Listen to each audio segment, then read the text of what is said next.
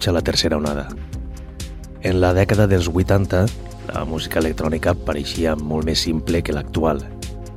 Es publicaven treballs amb ritmes senzills i línies de cinte que no mostraven massa dificultat creativa.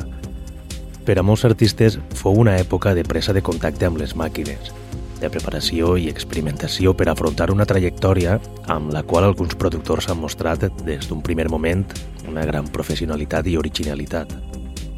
Aquestes qualitats són les que han concebut nous estils i han regenerat l'escena electrònica.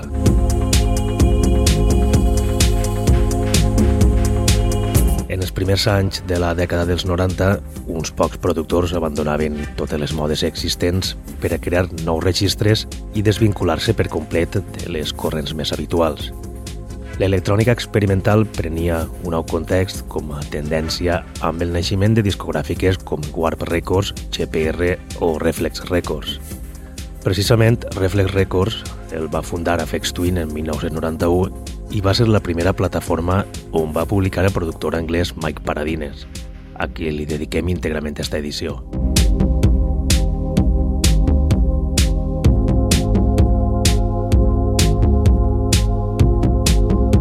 Dècada dels 80, Mike Paradines es va unir a diverses bandes com a teclista.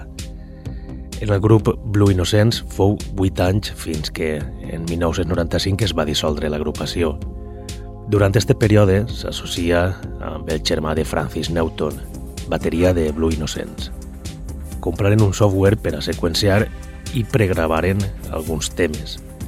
Més tard, Richard D. James, conegut com Afex Twin, escoltar la seva música i el va fitxar per a Reflex.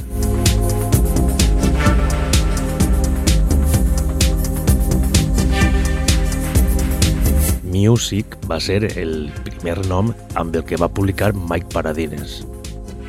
Music és un joc de paraules amb el que utilitza la lletra grega mi, que representa fonèticament la M, i que en l'àmbit científic anomenen mu. Com a símbol representa la milionèsima part. El símbol, anomenat també micro, va acompanyat d'un guió i de les lletres Z i IQ, SIC. Paradines s'estrenava com a productor amb este àlies. Music ha sigut el nom més prolífic del britànic i de fet la majoria no el coneix per un altre sobrenom. Amb este àlies s'estrenava com a productor amb eixa primera referència que firmava en Reflex, Tango Invective eixia a la venda en un primer moment amb 17 pistes. Després, en altres reedicions posteriors, el número de talls ha variat fins a arribar als 26 temes. Un àlbum completíssim que des d'un primer moment ja mostrava la gran versatilitat de Paradines per a crear atmosferes i ritmes complexos. Ho comprovem amb Fi 1700.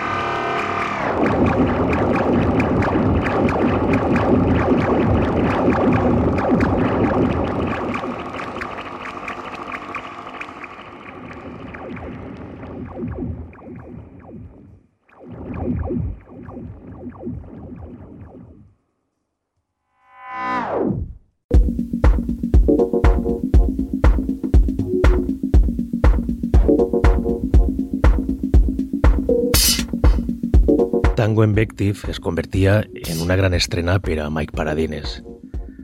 Un àlbum complet que precedia un segon treball de llarga durada que indirectament dinamitaria la venda del primer. En maig de 1994, tan sols sis mesos després del llançament de Tango Invective, Paradines firmava una segona referència al setxell d'Afex Twin. Reflex acollia de nou un treball extens de music anomenat Bluff Limbo, que eixia a la venda amb una tirada limitada de 800 còpies.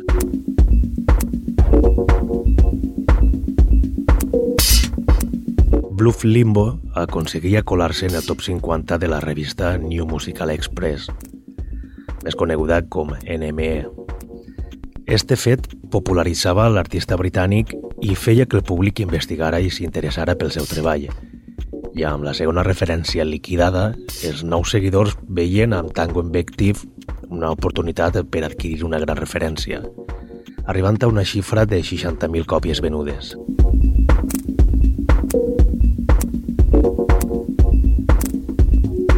L'opinió de la majoria de melòmans coincideix amb el sorprenent carisma del sèptim tall. Twangle Friend fascina amb els brics i el desenvolupament d'un tema que es transforma en energia.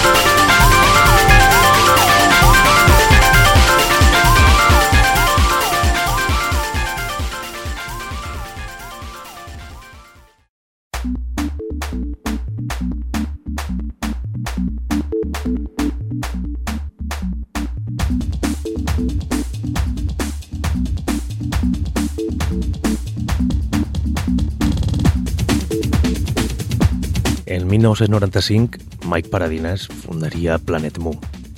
Setxell que estaria lligat a la poderosa Virgin i amb el qual en els primers treballs interactuaria amb High Rising Recordings i Hat Recordings, subsetxells de Virgin. Publicaria uns anys per duplicat i amb esta fórmula Planet Mu i la música del propi Paradines es posicionaria a nivell mundial en poc de temps. Fins que, en 1998, a Virgin ja no li resultava atractiva la comercialització d'aquest tipus de música i Planet Mu passa a ser una discogràfica independent.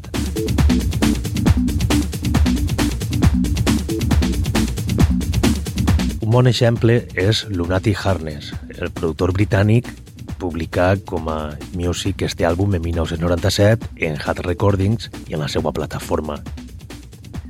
La xifra en quant a ventes es multiplica fins a arribar ni més ni menys que a 100.000 còpies venudes, xifra que continua ampliant-se a dia d'avui convertint este gran treball amb el treball més popular de Paradines.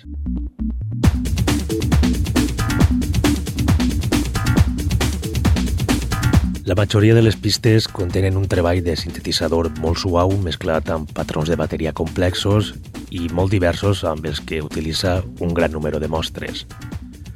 Temes enèrgics que també funcionen bé en la pista de ball i que arriben fins als 150 BPM. Elements ambientals en ritmes impossibles amb els quals identifiquem eixe IDM comandat per Afex Twin. Escoltem Midwinter Log.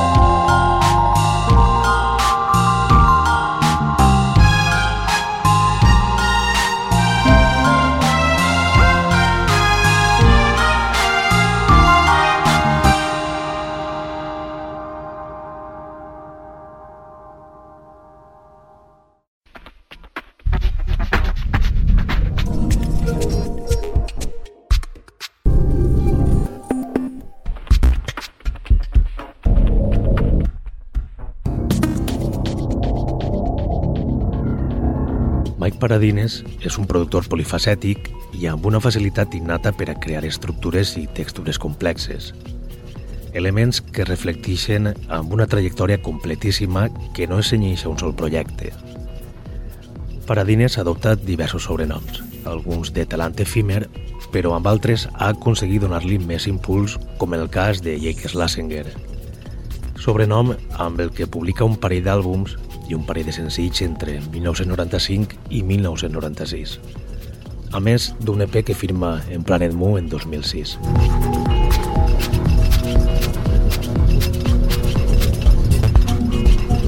En 1995 firma un àlbum i un senzill en la discogràfica anglesa Clear, i en 1996 el mateix però a Warp Records.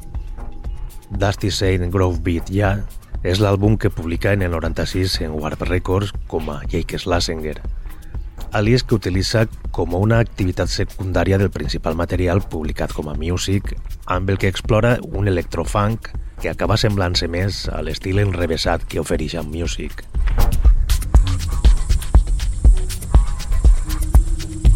De les 12 pistes de l'àlbum, anem a escoltar la que tanca la referència, Slow Dance, un clar exemple de la mà de Paradines amb gèneres menys experimentals com és el soul o el funk.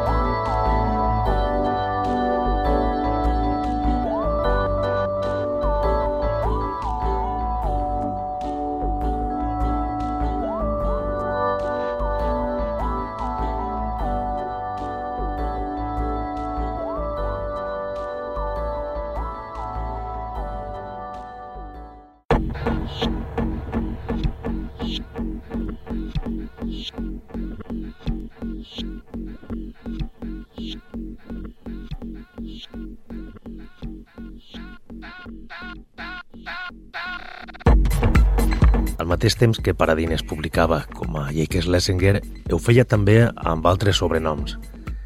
I és que 1995 i 1996 són dos anys intensos en quant a projectes com la creació de la seva discogràfica Planet Mu i la multitud de treballs que publica amb diferents noms.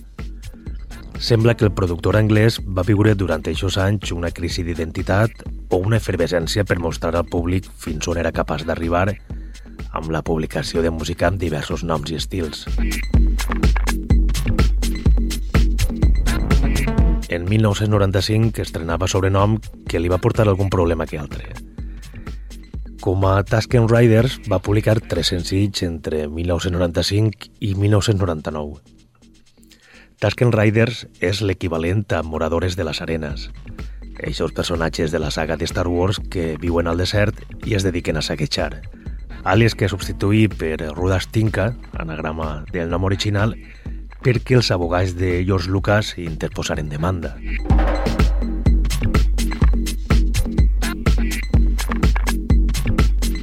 Kid Espàtula també és un sobrenom que va néixer en 1995 i amb el que fins 2004 publicat tres àlbums i un senzill. Però en 1996 estrenaria un altre pseudònim amb el que únicament publicaria un sol àlbum al setxell belga SSR. Seria com a Gary Moskeles i amb este àlies Paradines apostaria pel jazz electrònic, el futur jazz fusionat amb electrònica experimental. Escoltem Mamborama, primer tall de l'únic àlbum que Paradines publica com a Gary Moskeles, anomenat Shape to Make Your Life Isa.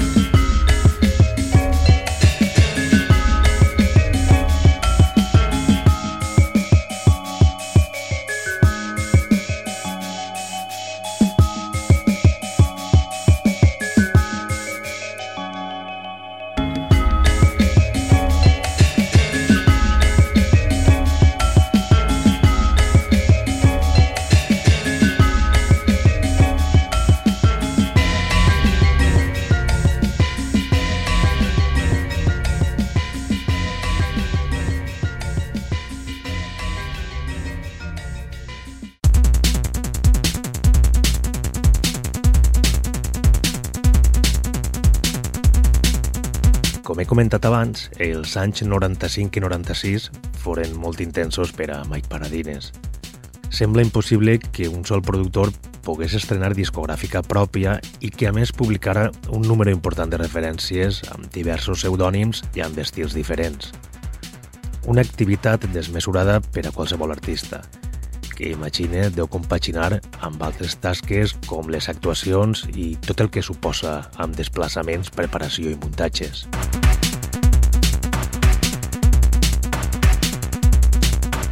Paradines ha continuat firmant referències fins a l'actualitat, però en 2016 tornava a sorprendre amb un parell d'àlbums d'arxiu. Aberystwyth Marine es va composar entre 1996 i 1998 i Ray 13 Tracks es crea precisament en 1995 mentre elaborava The Sustain Group Beat Yeah, àlbum que firmà per a Warp Records com a Jake Slasinger.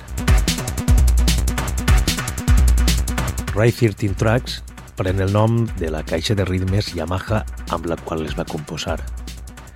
Es crea pensant en que totes les pistes aparegueren juntes al mateix àlbum, però han tingut que passar 21 anys per veure este treball per fi publicat en Planet Mu. I amb ell acabem l'edició d'avui, amb My Drop Beep, sextile de Right 13 Tracks. Mike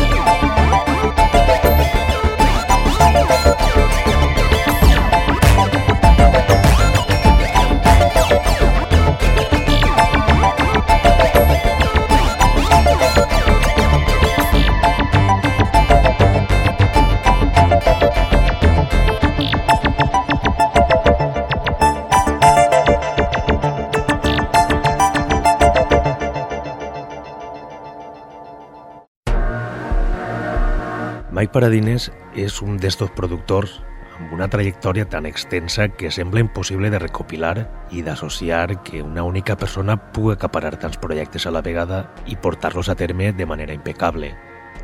És un artista únic, amb un estil propi i complex com és l'IDM i l'electrònica. Un quart de segle avala a este gran artista que encara que el seu estil pugui quedar eclipsat per artistes com Afex Twin, no podem deixar de reconèixer que és un pioner en el camp experimental de la música electrònica. Fins una pròxima edició de la tercera onada. Salutacions de Ximo Noguera. Thank you.